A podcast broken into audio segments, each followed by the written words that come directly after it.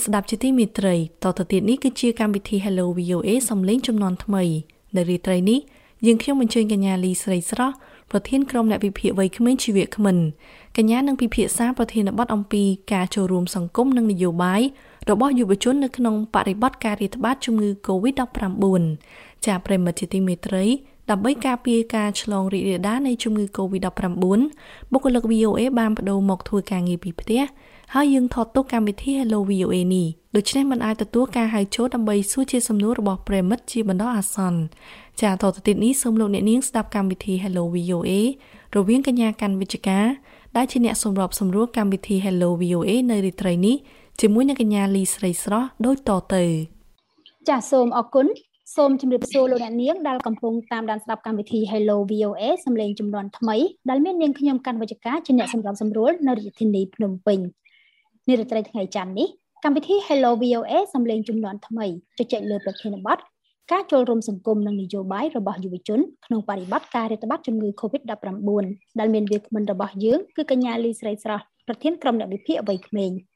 ចាសសូមជម្រាបសួរកញ្ញាស្រីស្រស់ចាចាសសូមជម្រាបសួរបង ចាសសូមអរគុណចំពោះការអញ្ជើញចូលរួមកិច្ចពិភាក្សាក្នុងកម្មវិធី Hello VOA សំឡេងចំនួនថ្មីចាលោកនាងជាទីមេត្រីជំងឺ Covid-19 បាននឹងកំពុងរីករាលដាលក្នុងប្រទេសជាច្រើនលើពិភពលោកសម្រាប់កម្ពុជាចាប់តាំងពីជំងឺផ្លូវដង្ហើមមួយនេះមានវត្តមាននាដើមឆ្នាំ2020រហូតមកដល់បច្ចុប្បន្នគេឃើញថាបានធ្វើឲ្យប៉ះពាល់ស្ទើរគ្រប់វិស័យក្នុងនោះយុវជនដែលជាវ័យសំខាន់ក្នុងការចូលរួមសកម្មភាពសង្គមនិងនយោបាយ ក៏កាន់តែប៉ះពាល់ដោយសារការរដ្ឋបတ်ជំងឺ Covid-19 នេះផងដែរចង់ដឹងលម្អិតថាតើជំងឺ Covid-19 ធ្វើឲ្យប៉ះពាល់បែបណាខ្លះដល់យុវជន ជាពិសេសការចូលរួមក្នុងសកម្មភាពសង្គមនិងនយោបាយសូមអញ្ជើញវាគ្មិនគឺកញ្ញាលីស្រីស្រស់បកស្រាយចាសសូមអញ្ជើញអរគុណច្រើនជាបឋមសូមគោរពជំរាបសួរដល់ប្រិមិត្ត VOA ទាំងអស់ហើយពេលនេះយើងមកជជែកលើប្រធានបទតទៅជាមួយនឹងផលប៉ះពាល់ទៅកាន់យុវជន ចំពោះការកាត់ឡើងនៃជំងឺ Covid អឺជាទូទៅខ្ញុំមើលឃើញចេះថាបើសិនជាយើងមើលនៅក្នុងកិច្ចការងារសង្គមក្នុងកិច្ចការងារសង្គមខ្ញុំគិតថាយុវជនភាគច្រើននៅក្នុងអំឡុងពេល Covid នេះគឺវាធ្វើឲ្យយុវជនមួយចំនួនគឺបាត់បង់ឱកាសនៅក្នុងការចូលរួមជាដំបូងខ្ញុំនឹងលើកអំពីយុវជនយុវជនហ្នឹងខ្ញុំចង់លើកឡើងថាយុវជនដែលកំពុងតែស្វែងរកឱកាសនៅក្នុងការអភិវឌ្ឍខ្លួនឯងនៅពេលដែលមានជំងឺ Covid នេះខ្ញុំគិតថាសកម្មភាពរបស់សង្គមស៊ីវិលមួយចំនួនដែលធ្វើការនៅក្នុងបណ្ដាខេត្តផ្សេងផ្សេងហ្នឹងគឺនឹងនឹងត្រូវការនឹងត្រូវបានកាត់បន្ថយ រួមមានទាំងសកម្មភាពនៅក្នុងការបណ្ដុះបណ្ដាលទៅលើជំនាញជាក់លាក់ណាមួយសកម្មភាពនៅក្នុងការគៀងកងឲ្យយុវជនចូលរួមទៅលើសកម្មភាពអីមួយដើម្បីធ្វើឲ្យសេវាសាធារណៈឬក៏ធ្វើឲ្យគេហៅថាប្រយោជន៍សង្គមណាមួយហ្នឹងគឺមានលក្ខណៈផ្សារហ្នឹងគឺនឹងត្រូវកាត់ផ្ដាច់អញ្ចឹងបើសិនជាយើងមើលនៅក្នុងចំណុចនេះទៅយុវជនគឺគាត់អខានមិនបានចូលរួមនៅក្នុងសកម្មភាពទាំងអស់នេះដោយផ្ទាល់អញ្ចឹងកាលណាគាត់អខានមានន័យថា ឱកាសនៅក្នុងការពង្រឹងសមត្ថភាពទាំងផ្នែកចំណេះដឹងទាំងផ្នែកស្មារតីអីទាំងអស់ហ្នឹងនៅក្នុងនៃសង្គមជាតិតៃហ្នឹងគឺវានឹងនឹងត្រូវបានកាត់បន្ថយអឺនៅក្នុងមានន័យថាកាត់បន្ថយច្រើននៅនៅស្ថានភាពដែលយើងអត់មានកូវីដអញ្ចឹងអានេះគឺជាចំណុចមួយនៃការបាត់បង់ឱកាសរបស់យុវជននៅតាមបណ្ដាខេត្តឬក៏យុវជនដែលជា target របស់សង្គមស៊ីវិលនៅក្នុងការធ្វើកិច្ចការងារដើម្បីលើកកម្ពស់ប្រជាធិបតេយ្យហ្នឹងជាមួយចំណុចទី2តកតងជាមួយនឹងផលប៉ះពាល់ទៅលើគេហៅថាអ្នកធ្វើកិច្ចការងារសង្គមដែលខ្ញុំចង់លើកឡើងពី មន្ត្រីសង្គមស៊ីវិលអីទាំងអស់ឬក៏យុវជនដែលគាត់ធ្វើការជាមួយនឹងសង្គមស៊ីវិលអីទាំងអស់ហ្នឹងគឺហាក់ដូចជាបាត់បង់ទៅការតបជាប់ជាមួយនឹងយុវជនដែលជា target យុវជននៅតាមខេត្តហ្នឹងអញ្ចឹងអាសកម្មភាពឬក៏អាគម្រោងឬក៏ផែនការដែលបានដាក់ចេញនៅក្នុងការនៅក្នុង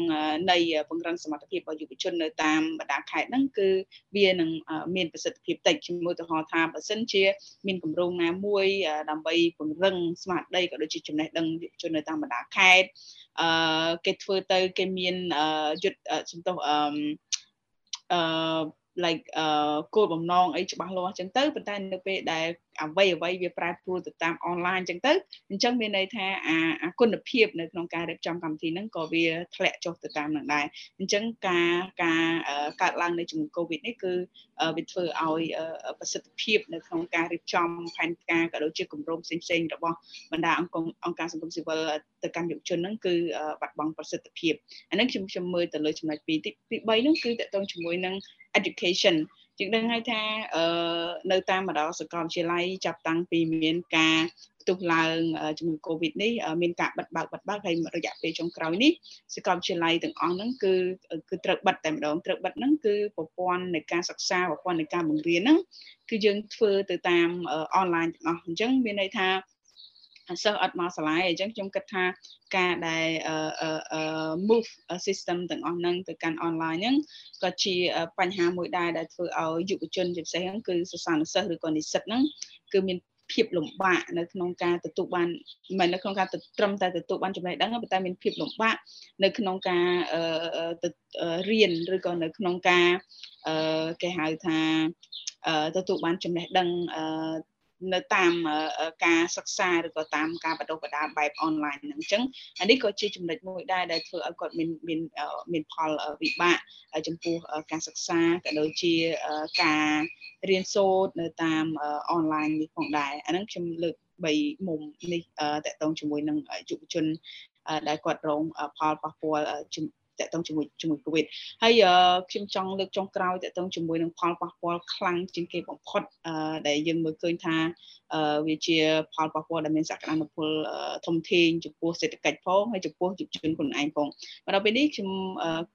យើងដឹងថាចំនួនប្រជាសំទោសចំនួនយុវជននៅប្រទេសកម្ពុជាហ្នឹងគឺអាចជាងពាក់កណ្ដាលនៃចំនួនប្រជាជនសរុប ចឹងអាហ្នឹងគឺជាចំណុចមួយហើយបើសិនជាយើងក៏លេចមើលអឺអំឡុងពេលឬក៏ក្រោយពេលដែលកូវីដកើតឡើងហ្នឹងអ្វីដែលជាបញ្ហាប្រឈមជាងគេហ្នឹងគឺតកតងជាមួយនឹងការងារការងារហើយនេះគឺជាចំណុចដែលសំខាន់ដែលនៅក្នុងវិស័យការងារនេះគឺវាធ្វើឲ្យមានផលប៉ះពាល់ច្រើនហើយកន្លងមកអឺដូចជា World Bank ធ្លាប់បានលើកឡើងអំពីអឺហានិភ័យនៅក្នុងការបាត់បង់ការងារជិត2លានការងារហ្នឹង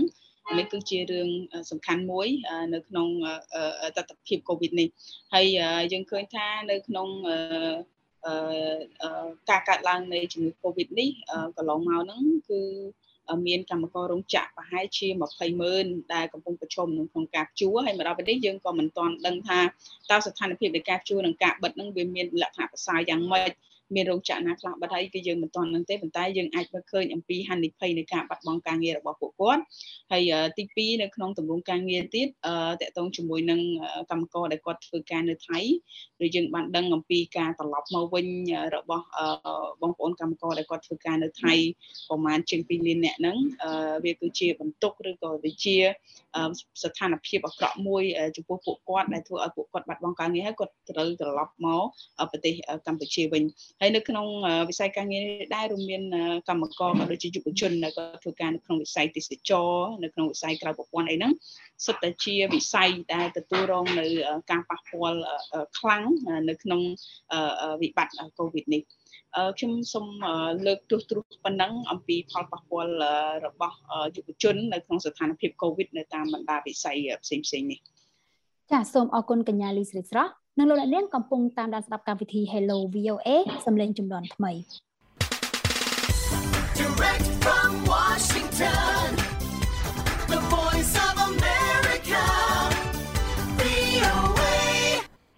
ចាលោកអ្នកនាងជាទីមេត្រី Hello VOA សំឡេងចំនួនថ្មីនៅរាត្រីថ្ងៃច័ន្ទនេះពិភាក្សាពីប្រធានបទការចូលរួមសង្គមនិងនយោបាយរបស់យុវជនក្នុងបរិបទការរាតត្បាតជំងឺ Covid-19 ដែលមានកញ្ញាលីស្រីស្រស់ប្រធានក្រុមអ្នកវិភាគវ័យក្មេងជាវាគ្មិនចា សសិស្សបានលើកឡើងច្រើនអំពីផលប៉ះពាល់ទៅលើយុវជន ចា៎ពាក់ព័ន្ធជាមួយនឹងសកម្មភាពសង្គមនិងនយោបាយវិញតើកញ្ញាមើលឃើញថាយុវជនប៉ះពាល់អ្វីខ្លះដែរនៅក្នុងការចូលរួមសកម្មភាពសង្គមហើយនិងនយោបាយដោយសារតែការរីករាលដាលជំងឺ Covid-19 ហើយតើចំណុចណាដែលស្រីស្រស់គិតថាជាបញ្ហាចម្បងបំផុតសម្រាប់យុវជនហើយហេតុអ្វីដែរចា៎អរគុណអឺមិញខ្ញុំបានលើកជាទស្សនវិជ្ជា ទូទៅច្រើនដែលខ្ញុំមិនចំពោះតែកិច្ចការងារនយោបាយនិងសង្គមទេប៉ុន្តែបើសិនជាយើងចាប់មុំតកតងជាមួយនឹងការចូលរួមរបស់យុវជននៅក្នុងកិច្ចការងារនយោបាយសង្គមនេះអឺខ្ញុំគិតថាបញ្ហាចម្បងរបស់យុវជននោះគឺតកតងជាមួយនឹង ឱកាសនៅក្នុងការចូលរួមដើម្បីអភិវឌ្ឍខ្លួនឯងផងនិងក៏អភិវឌ្ឍប្រទេសជាតិផងខ្ញុំចង់លើកឡើងថាមកដល់ពេលនេះប្រទេសកម្ពុជា គឺយើងមានច្បាប់មួយចំនួនដែលយើងបានរៀបចំរួចហើយតទៅជាមួយនឹងការប្រកាសដាក់ប្រទេសក្នុងគ្រាអាសន្នការគ្រប់គ្រងកូវីដក៏ដូចជាអនុក្រឹត្យនិងសារាចរណែនាំផ្សេងផ្សេងតែខ្ញុំមើលឃើញថាសារាចរណែនាំទាំងអស់នោះវាអាចនឹងមានអតិពល ច្រើនចំពោះការរដ្ឋបិទនៃសកម្មភាពយុវជនមួយចំនួន នៅក្នុងការធ្វើកិច្ចការងារសង្គមនេះអញ្ចឹង បញ្ហាចម្បងនេះអានេះគឺជាបញ្ហារបស់យុវជនដែលថាការកើតឡើងនៃច្បាប់ឬក៏អនុក្រឹតឬក៏សារាចរអីទាំងអស់ហ្នឹងគឺវាធ្វើឲ្យសកម្មភាពរបស់យុវជននៅក្នុងការធ្វើកិច្ចការងារសង្គមហ្នឹងគឺមានការរឹតបន្តឹងហើយជាមួយឧទាហរណ៍ថាតកតងជាមួយនឹងការដាល់ល្បាតព្រៃតកតងជាមួយនឹងការចេញហាយញាតហាយអីហ្នឹងគឺมันអាចប្រហែលជាมันអាចធ្វើទៅបានទេអញ្ចឹងមានន័យថាស្ថានភាព Covid នេះគឺធ្វើឲ្យ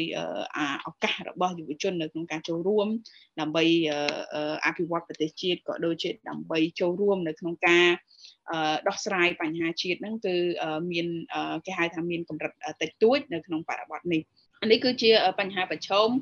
ខ្លាំងតកតងជាមួយនឹងយុវជនដែលគាត់ធ្វើកិច្ចការងារសង្គមហ្នឹងហើយតកតងជាមួយនឹងតតិភាពនយោបាយខ្ញុំគិតថានៅក្នុងឆ្នាំ2022 23យើងមានការបោះឆ្នោត ហើយតតិភាពស្ថានភាពកូវីដហាក់ដូចជាមិនទាន់បានទូស្បើយទេអញ្ចឹងខ្ញុំគិតថាការចូលរួមឬក៏គេហៅថាការគៀងគងការជួបរវាងអ្នកបោះឆ្នោតឬក៏ម្ចាស់ឆ្នោតអីទាំងអស់ហ្នឹងប្រហែលជាក៏ត្រូវបានរដ្ឋបတ်ឬក៏ត្រូវបានកាត់ផ្តាច់ខ្លះដែរហើយទាំងអស់នេះហើយវាធ្វើឲ្យតំណែងតំណងអំពីអ្នកបោះឆ្នោតនិងអ្នកដែលចូលឈ្មោះបោះឆ្នោតហ្នឹងគឺមានភាពរៀងរជាលគ្នាឬក៏ដាច់ពីគ្នាដែលវាធ្វើឲ្យប៉ះពាល់ទៅដល់ភាពស៊ីសង្វាក់គ្នារវាង ការចូលរួមរបស់យុវជនមួយចំនួននៅក្នុងបកនយោបាយអីចឹងទៅដោយសារតែគាត់អត់មានសកម្មភាពចឹងមានន័យថាឱកាសរបស់យុវជននៅក្នុងការចូលរួមផ្នែកនយោបាយហ្នឹងក៏ក៏ត្រូវបានកាត់ផ្តាច់ផងដែរប៉ុន្តែអ្វីដែលខ្ញុំបដោតជាងគេហ្នឹងគឺតកតងជាមួយនឹងការចូលរួមរបស់យុវជននៅក្នុងការធ្វើកិច្ចការងារសង្គមនៅក្នុងប្រទេសកូវីដនេះគឺមានភាពរដ្ឋបတ်ខ្លាំងហើយជាក់ស្ដែងហ្នឹងយើងឃើញហើយថាមានការថែញ៉ាត់ថែអីជាដើមហ្នឹងគឺមានការរដ្ឋបတ်ខ្លាំងមានការប្រទីងប្រទង់រហូតដល់មានអំពើហិង្សាផ្សេងផ្សេងកើតឡើងហើយមកដល់តាំងពីកូវីដកើតឡើងមកដល់ពេលនេះទស្សនវិជ្ជានៃការធ្វើហែញ៉ាត់ឬក៏ធ្វើបាតកម្មដោយអហិង្សាអីទាំងអស់ហ្នឹងគឺដូចជាមិនមិនសូវមានទេអញ្ចឹងខ្ញុំគិតថានៅពេលដែលសកម្មភាពទាំងអស់នេះវាត្រូវបានកាត់ផ្តាច់អញ្ចឹងការចូលរួមរបស់យុវជននៅក្នុងការជួយសង្គមនៅក្នុងការដោះស្រាយបញ្ហាជាតិហ្នឹងក៏វាធ្លាក់ចុះទៅតាមនឹងដែរ ចាសត្រកអឺយើងមើលថាប្រសិនបើយុវជននៅតែមានបញ្ហាប្រឈមនៅក្នុងការចូលរួមសកម្មភាពសង្គមហើយនៅនយោបាយតើកញ្ញាយល់ឃើញថាអនាគតរបស់យុវជននឹងคล้ายទៅជាយ៉ាងណាវិញចា៎ អរគុណ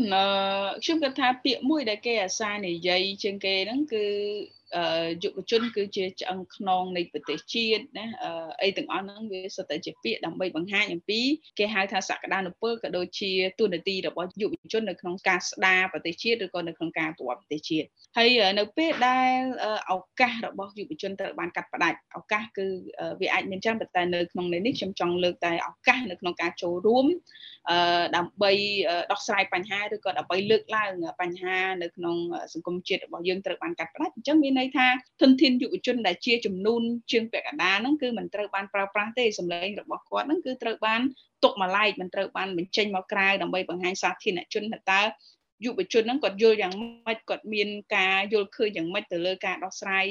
ទៅលើការសម្រេចចិត្តបែបនេះបែបនេះតកតងជាមួយនឹងការអភិវឌ្ឍប្រទេសជាតិអញ្ចឹងនៅពេលដែលឱកាសរបស់យុវជនមិនត្រូវបានផ្ដល់ឲ្យខ្ញុំគិតថាប្រទេសជាតិមួយប្រហែលជាអាចនឹងជួបទៅលើការអភិវឌ្ឍដែលมันមានតម្លាភាពណាអភិការអភិវឌ្ឍដែលអាចនឹងមានអំពើពុករលួយច្រើនពីព្រោះយុវជនគឺជាធនធានសំខាន់នៅក្នុងការតាមដានឬក៏នៅក្នុងការទាញ ទិសដៅនៅក្នុងការវិវត្តរបស់ប្រទេសមួយឲ្យវាមានភាពប្រសើរឡើងអញ្ចឹងនៅពេលដែលឱកាសឬក៏នៅពេលដែលការចូលរួមរបស់យុវជនមិនត្រូវបានជំរុញនោះខ្ញុំគិតថាអ្វីដែលជាប៉ះពាល់ខ្លាំងនោះគឺតកតងជាមួយនឹងការប្រជាតិអានោះទី1ហើយទី2គឺតកតងជាមួយនឹងការអភិវឌ្ឍយុវជនខ្លួនឯងហ្នឹងអញ្ចឹងបើសិនជាសម្លេងយុវជនឬក៏ការរដ្ឋបាលបែបនេះនៅតែមានអញ្ចឹងការចូលរួមរបស់យុវជននៅក្នុងបញ្ហាសង្គមនោះវាអត់អត់មានច្រើន ហើយមួយទៀតក៏ប៉ះពាល់ទៅដល់ការអភិវឌ្ឍសមត្ថភាពរបស់យុវជនខ្លួនឯងពីព្រោះបើយើងនិយាយយុវជនចំនួនច្រើនចំនួនច្រើនតែយើងក៏ខ្វល់អំពីគុណភាពរបស់គាត់ដែរអញ្ចឹងនៅពេលដែលសម្លេងគាត់មិនត្រូវបានស្ដាប់ឬក៏មិនត្រូវបានលើកឡើងអញ្ចឹងមានន័យថាការបង្កើតគេហៅថាគោលនយោបាយក៏ដូចជាសកម្មភាពណាមួយដើម្បីបំពាក់បំពន់សកម្មភាពសន្ទុះសមត្ថភាពរបស់យុវជនហ្នឹងប្រហែលជាមិនសូវគេយកចិត្តទុកដាក់ទេអញ្ចឹងនៅពេលដែលយុវជនមិនមានសមត្ថភាពអាហ្នឹងគឺជារឿងមួយដែលជាហានិភ័យមែនទែនចំពោះប្រទេសជាតិជាពិសេសគឺការអភិវឌ្ឍមិនមានភាពរីកចម្រើនក៏ឬក៏លើកជឿនលឿនដែលมันអាចប្រៀបធៀបបានជាមួយនឹងបណ្ដាប្រទេសផ្សេងទៀតចាសិស្សស្រស់គិតថាយុវជនយើងគួរធ្វើបែបណាដើម្បីឲ្យពួកគេនៅតែអាចបន្តចូលរួមសកម្មភាពសង្គមហើយនិងនយោបាយបាននៅក្នុងអំឡុងពេលនៃការរីករាលដាលជំងឺ Covid-19 អរគុណអឺការរីករាលដាលជំងឺ Covid នេះវាមិនមែនមានត្រឹមតែអឺគុណវិបត្តិទេប៉ុន្តែវាក៏ជាឱកាសខ្លះខ្លះរបស់យុវជននៅក្នុងការពង្រឹងសមត្ថភាពដែរស្ថានភាព Covid គឺជារឿងដែលយើងមិនអាចទប់បានអានឹងយើងត្រូវទទួលស្គាល់ហើយយុវជនក៏ត្រូវដឹងថាតើ ខ្លួនឯងគួរធ្វើអីដើម្បីអាចទាញឱកាសពីស្ថានភាពនេះបានខ្ញុំគិតថារឿង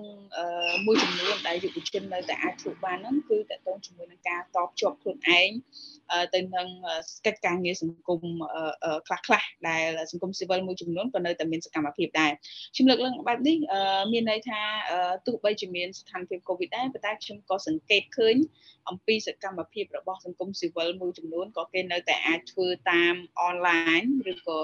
មានការប្រជុំតាម Zoom ឬក៏តាម Google Meet អីជាដើមចឹងទៅអញ្ចឹងខ្ញុំគិតថានេះក៏ជាឱកាសដែរដែលយុវជនអាចស្រូបយកឱកាសនឹងអាចទាញយកឱកាសនឹងក្នុងការចូលរួមជជែកពិភាក្សាឬក៏មានវគ្គបណ្ដុះបណ្ដាលជាអនឡាញនឹងដើម្បីពង្រឹងសមត្ថភាពខ្លួនឯងនិងឱកាសខ្លួនឯងនៅក្នុងការ បន្តតបជាប់ខ្លួនឯងជាមួយនឹងកិច្ចការងារសង្គមអានេះគឺជាចំណុចមួយដែលខ្ញុំមើលឃើញហើយខ្ញុំគិតថាវាជាឱកាសមួយដែរនៅក្នុងការដែលយុវជនអាចនៅតែតបជាប់ខ្លួនឯងជាមួយនឹងកិច្ចការងារសង្គមហើយមួយទៀតខ្ញុំគិតថា ស្ថានភាព COVID ក៏ជាកត្តាមួយឬក៏ជាកម្លាំងជំរុញមួយដែរដែលធ្វើឲ្យយុវជននៅតាមបណ្ដាខេត្តមួយចំនួនឬក៏សិស្សានុសិស្សចាប់ផ្ដើមមានគំនិតវិវត្តទៅលើការប្រើប្រាស់បច្ចេកវិទ្យាតកតងជាមួយនឹងការប្រើប្រាស់នៅប្រព័ន្ធបច្ចេកវិទ្យាថ្មីៗឬក៏បណ្ដាញសង្គមថ្មីៗដើម្បីអាចតភ្ជាប់ខ្លួនឯងទៅកាន់មនុស្សផ្សេងទៀតឬក៏ទៅកិច្ចការងារផ្សេងទៀតដែលមានភាពងាយស្រួលអញ្ចឹងដូចខ្ញុំបានលើកឡើងខាងដើមអញ្ចឹងថា ស្ថានភាព COVID គឺជារឿងដែលយើងមិនអាចគ្រប់គ្រងបានទេប៉ុន្តែចំពោះយុវជនខ្លួនឯងយើងគួរតែពិចារណាទៅលើការប្រើប្រាស់នៅឱកាសនេះដើម្បីអភិវឌ្ឍខ្លួនឯងពីព្រោះថាសិក្ខាសាលាក៏ដូចជាការចូលរួមចែករំលែកចំណេះដឹងការ ចូលរួមវគ្គបណ្ដុះបណ្ដាលអីផ្សេងៗហ្នឹងគឺគេអាចធ្វើតាមអនឡាញអញ្ចឹងយើងអាចនៅតែអាចចូលរួមនៅក្នុងការស្ដាប់ការពិភាក្សាទាំងអស់ហ្នឹងនៅតាមអនឡាញទោះបីជាវាមានភាពលំបាកចំពោះយើងប៉ុន្តែវាក៏ជារឿងដែលយើងគិតថាយើងអាចទាញយកប្រយោជន៍ពីស្ថានភាពផងដែរអរគុណស្រីស្រស់ចាលោកនាងកំពុងតាមដានស្ដាប់កម្មវិធី Hello VOA សំឡេងចំនួនថ្មី Direct from Washington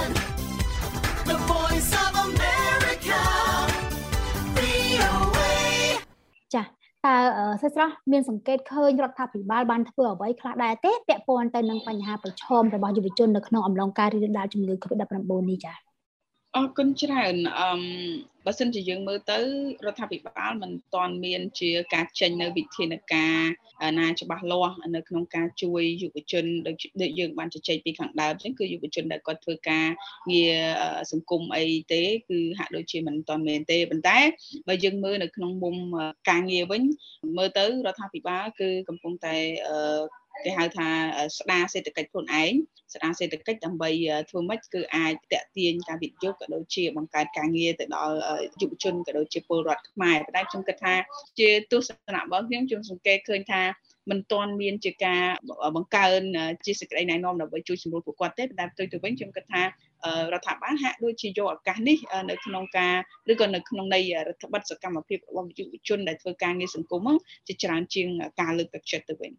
ស្រស់គឺបានលើកឡើងពាក់ព័ន្ធជាមួយនឹងបញ្ហាប្រឈមរបស់យុវជនហើយនិយាយអំពីបញ្ហាដែលអាចនឹងកើតឡើងនៅក្នុងពេលអនាគតបើសិនជាបញ្ហាប្រឈមរបស់យុវជននឹងនៅតែបន្តមានហើយមិនមានការដោះស្រាយអីជាដើមអញ្ចឹងជាចុងក្រោយសម្រាប់ស្រីស្រស់តើរដ្ឋាភិបាលគួរធ្វើបែបណាដើម្បីជំរុញឲ្យយុវជននៅតែអាចចូលរួមក្នុងសកម្មភាពសង្គមនិងនយោបាយជាពិសេសធានាថានឹងមិនធ្វើឲ្យប៉ះពាល់ដល់អនាគតរបស់យុវជនចា៎ អរគុណច្រើនអឺតាមពិតទៅដូចខ្ញុំមិនធ្លាប់និយាយចឹងស្ថានភាព COVID គឺជាស្ថានភាពមួយដែលពិបាកនៅក្នុងការជួបជុំហើយវាអាចធ្វើឲ្យដំណើរការជាតកៃហ្នឹងគឺมันអនុវត្តបានល្អទេប៉ុន្តែក៏មិនមែនដោយសារកូវីដហ្នឹងរដ្ឋាភិបាលដែលកម្ពុជាតបតៃហ្នឹងយកលេសហ្នឹងនៅក្នុងការបន្តរដ្ឋបတ်សិទ្ធិពលរដ្ឋនៅក្នុងសង្គមប្រជាតបតៃនោះទេហើយតកតងជាមួយនឹងកតបកិច្ចរបស់រដ្ឋាភិបាលនៅក្នុងការជំរុញឲ្យយុវជនហ្នឹងគឺបន្តសកម្មភាពសង្គមហ្នឹងខ្ញុំគិតថាការអភិវឌ្ឍរបស់ប្រទេសជាតិមួយគឺទៅបាននៅពេលដែលយុវជនខ្លះជាយុវជនសកម្មការអភិវឌ្ឍមិនអាចបដោតត្រឹមតែមេដឹកនាំក្លាហានឬក៏អីទេប៉ុន្តែជាការ រៀបចំធ្វើយ៉ាងម៉េចឲ្យយុវជននៅក្នុងប្រទេសខ្លួនឯងនឹងជាយុវជនសកម្មមានភាពសកម្មនៅក្នុងការតាមដានទៅលើការអភិវឌ្ឍប្រទេសជាតិមានភាពសកម្មនៅក្នុងការផ្ដល់ជាគំនិតមានភាពសកម្មនៅក្នុងការបង្ហាញមតិយោបល់ខ្លួនឯងជំវិញការអភិវឌ្ឍហើយបើសិនជាយើងមិនជំរុញបែបនេះទេខ្ញុំគិតថាការអភិវឌ្ឍហ្នឹងគឺនឹងមានភាពយឺតយ៉ាវដូចជាការអភិវឌ្ឍសពថ្ងៃអញ្ចឹងហើយសំណួរយើងសួរថាតើយើងធ្វើបែបណាដើម្បីជំរុញឲ្យការចូលរួមរបស់យុវជនហ្នឹងវាមានភាពផុសផុលនៅក្នុងសង្គមជាតិតៃជាពិសេសគឺនៅក្នុងប្រទេសកម្ពុជាបើសិនជាយើងមើលនៅក្នុងគោលនយោបាយស្អីពីយុវជនយើងមានបច្ចៈ ទៅលើគោលបំណងមួយចំនួនថាចង់ឲ្យយុវជននឹងចូលរួមធ្វើកិច្ចការងារសង្គមអីទាំងអស់ហ្នឹងប៉ុន្តែធិពិតនៅក្នុងការធ្វើកិច្ចការងារសង្គមទៅលើបញ្ហារសើបឬក៏បញ្ហាដែលជាប្រយោជន៍ជាតិធំធំវាត្រូវបានទឹកទឹកទៅវិញអាហ្នឹងគឺជាចំណុចមួយអញ្ចឹងខ្ញុំមើលឃើញចេះថាចំណុច3ដែលរដ្ឋាភិបាលគួរផ្ដោតបើសិនជាចង់ឲ្យដំណើរការនៃការអភិវឌ្ឍប្រទេសជាតិនឹងមានភាព លឿនឬក៏រហ័សចំណុចទី1គឺតកតងជាមួយនឹងការគ្រប់គ្រងផ្នែកស្មារតីជាទូទៅយើងដឹងហើយថាมันមានមនុស្សច្រើនទេដែលគាត់ចូលចិត្តធ្វើឬក៏គាត់មានគេហៅថា interest មាន ការចាប់អារម្មណ៍ទៅធ្វើទៅរឿងក្តៅក្តៅឬក៏រឿងដែលវារៀងគ្រោះថ្នាក់ប៉ុន្តែរឿងគ្រោះថ្នាក់ទាំងអស់ហ្នឹងគឺវាមានប្រយោជន៍ច្រើនណាស់សម្រាប់ជាតិដូចជារឿងបរិស្ថានដូចជារឿងអំពើពុករលួយអីទាំងអស់ហ្នឹងការបាត់លុយជាតិអីទាំងអស់ហ្នឹងអញ្ចឹងមកដល់បច្ចុប្បន្នយើងមិនសូវមានការមិនឃើញមានការលើកទឹកចិត្តចំពោះយុវជនដែលគាត់ធ្វើការរឿងហ្នឹងទេដូចជាការស៊ើបអង្កេតទៅលើការបូមខ្សាច់បូមអីហ្នឹងគឺអត់មានទេហើយផ្ទុយទៅវិញយុវជនដែលគាត់ធ្វើការរឿងទាំងអស់ហ្នឹងបើជាត្រូវ មានការរដ្ឋបတ်អីចាប់ដាក់ពន្ធនាគារហើយចោលពីបទល្មើសក្បត់ជាតិអីទាំងអស់ហ្នឹងខ្ញុំគិតថាជារឿងមួយដែលมันមិនលើកទឹកចិត្តឲ្យយុវជនផ្សេងហ្នឹងនាំគ្នាខ្វាយខ្វល់ពីបញ្ហាប្រទេសជាតិទេអញ្ចឹងចំណុចទីមួយដែលជាចំណុចដែលរដ្ឋាភិបាលគូប្រចាំគឺការលើកទឹកចិត្តផ្ដល់ភាពជាគំរូ ទៅកាន់យុវជនណាដែលគាត់ក្លាហានមិនមែនផ្ដល់តែគំរូឬក៏លើកទឹកចិត្តតែយុវជនណាដែលធ្វើការបម្រើបាក់ទេគឺការផ្ដល់ឬក៏លើកទឹកចិត្តដល់យុវជនណាដែលគាត់ធ្វើការបម្រើប្រទេសជាតិពិតប្រាកដដែលគាត់មានឆន្ទៈនៅក្នុងការរក្សានៅប្រយោជន៍ជាតិឬក៏ធនធានធម្មជាតិអីទាំងអស់ហ្នឹងហ្នឹងចំណុចទី1ចំណុចទី2ខ្ញុំគិតថាការពិចារណាទៅលើការរៀបចំផែនការហិរញ្ញវត្ថុ មិញយើងនិយាយពីស្មារតីហើយទី2ខ្ញុំនិយាយរឿងហិរញ្ញវត្ថុពីព្រោះថាការជំរុញឲ្យយុវជនសកម្មទៅបានហ្នឹងវាតើតែយើងមានគោលមានផែនការហិរញ្ញវត្ថុខ្លះដែរដើម្បីឲ្យយុវជនហ្នឹងនៅក្នុងការចូលរួមឲ្យកាន់តែសកម្មនៅក្នុងការនៅក្នុងរឿងបញ្ហាជាតិសំខាន់សំខាន់ខ្ញុំមើលឃើញនៅក្នុងប្រទេសថៃគេលើកកម្ពស់ខ្លាំងណាស់ចំពោះយុវជនដែលគាត់មានឆន្ទៈនៅក្នុងការការពារទុនធានធម្មជាតិ ហើយនៅក្នុងនោះរដ្ឋាភិបាលគេមានជាសកម្មភាពច្រើនណាស់នៅក្នុងការគ្រប់គ្រងនៅក្នុងការផ្ដល់ជាផែនការដើម្បីឲ្យពួកគាត់នឹងមានលទ្ធភាពនៅក្នុងការបន្តសកម្មភាពដើម្បីអភិរក្សឬក៏ការពារប្រៃឈើរបស់គេអញ្ចឹងយើងឃើញថាមកដល់ពេលនេះប្រហែលជាមានតិចណាស់ចំពោះផែនការហិរញ្ញវត្ថុទៅលើការផ្ដល់ឱកាសឲ្យយុវជននៅក្នុងការចូលរួមនៅក្នុងកិច្ចការសង្គមហ្នឹងចំណុចទី2ចំណុចទី3នោះ គឺតកតងជាមួយនឹងការបើកលំហទៅដល់ភាគីផ្សេងផ្សេងនៅក្នុងការជួយយុវជនលើកទឹកចិត្តយុវជនឬក៏ផ្ដល់ឱកាសឲ្យយុវជនធ្វើកិច្ចការងារសង្គមកន្លងមកខ្ញុំមិនសង្កេតឃើញថារដ្ឋាភិបាលនឹងហាក់ដូចជាមានភាពសប្បាយចិត្ត ខ្លាំងចំពោះកិច្ចការងាររបស់ NGO មួយចំនួននេះហើយកន្លងមកហ្នឹងមានការចោទប្រកាន់អង្គការសង្គមស៊ីវិលមួយចំនួនហ្នឹងថាជាអង្គការដែលធ្វើការឲ្យបរទេសដែលចងបរទេសអីជាដើមហ្នឹងខ្ញុំគិតថាយើងក៏មិនចង់ឃើញទស្សនវិជ្ជាទាំងអស់ហ្នឹងដែរអញ្ចឹងបានខ្ញុំលើកឡើងហើយថាការបើកលំហឲ្យបណ្ដាសង្គមស៊ីវិលឬក៏អង្គការការដ្ឋាភិបាលហ្នឹងធ្វើកិច្ចការងាររបស់ខ្លួនហ្នឹងរៀងរៀងសេរីជាងហ្នឹងទៅខ្ញុំគិតថាការធ្វើបែបនេះយើងអាចនឹងមានឬក៏ពង្រីកសកម្មភាពនៅក្នុងការលើកទឹកចិត្តយុវជនឲ្យចូលរួមកិច្ចការងារសង្គមហ្នឹងគឺបានបានកាន់តែចាន់ឡើងហើយកន្លងមកយើងមិនសូវឃើញមានការលើកទឹកចិត្តក៏ដូចជាភាពជាដៃគូរបស់អង្គការមួយចំនួនដែលគាត់ធ្វើការផ្នែកការងារសង្គមឬក៏ការលើកកម្ពស់ឲ្យយុវជនចូលរួមកិច្ចការងារសង្គមទេហើយហាក់ដូចជាមានការមើលឃើញថាជាការ ធ្វើជួយបរទេសអីទៅវិញហើយខ្ញុំគិតថានៅនេការនេះគឺវាមិនល្អប្រសើរទេអឺយើងក៏ចង់ឃើញអំពីការបើកលំហទៅកាន់សង្គមស៊ីវិលនៅក្នុងការធ្វើកិច្ចការងាររបស់ខ្លួននៅក្នុងនៃគោលការណ៍ប្រជាធិបតេយ្យឬក៏នៅក្នុងសង្គមប្រជាធិបតេយ្យចាសសូមអរគុណកញ្ញាលីស្រីស្រស់ប្រធានក្រុមអ្នកវិភាគវ័យក្មេងដែលបានបកស្រាយយ៉ាងក្បោះក្បាយក្នុងកម្មវិធី Hello VOA សម្លេងចំនួនថ្មីពាក់ព័ន្ធនឹងប្រធានបទ ការចូលរួមសង្គមនិងនយោបាយរបស់យុវជនក្នុងបរិបទការរាតត្បាតជំងឺ Covid-19 នាងខ្ញុំក៏សូមអរគុណប្រិយមិត្តអ្នកតាមដានស្ដាប់ទាំងអស់ហើយបើមានកំហុសឆ្គងដោយអចេតនាណាមួយនាងខ្ញុំនិងវាគ្មិនសូមខន្តីអភ័យទោសពីប្រិយមិត្តសម្រាប់ពេលនេះនាងខ្ញុំសូមជម្រាបលានិងសូមជូនកម្មវិធីបន្តទៅសហការីក្នុងបន្ទប់ផ្សាយនៅរដ្ឋធានី Washington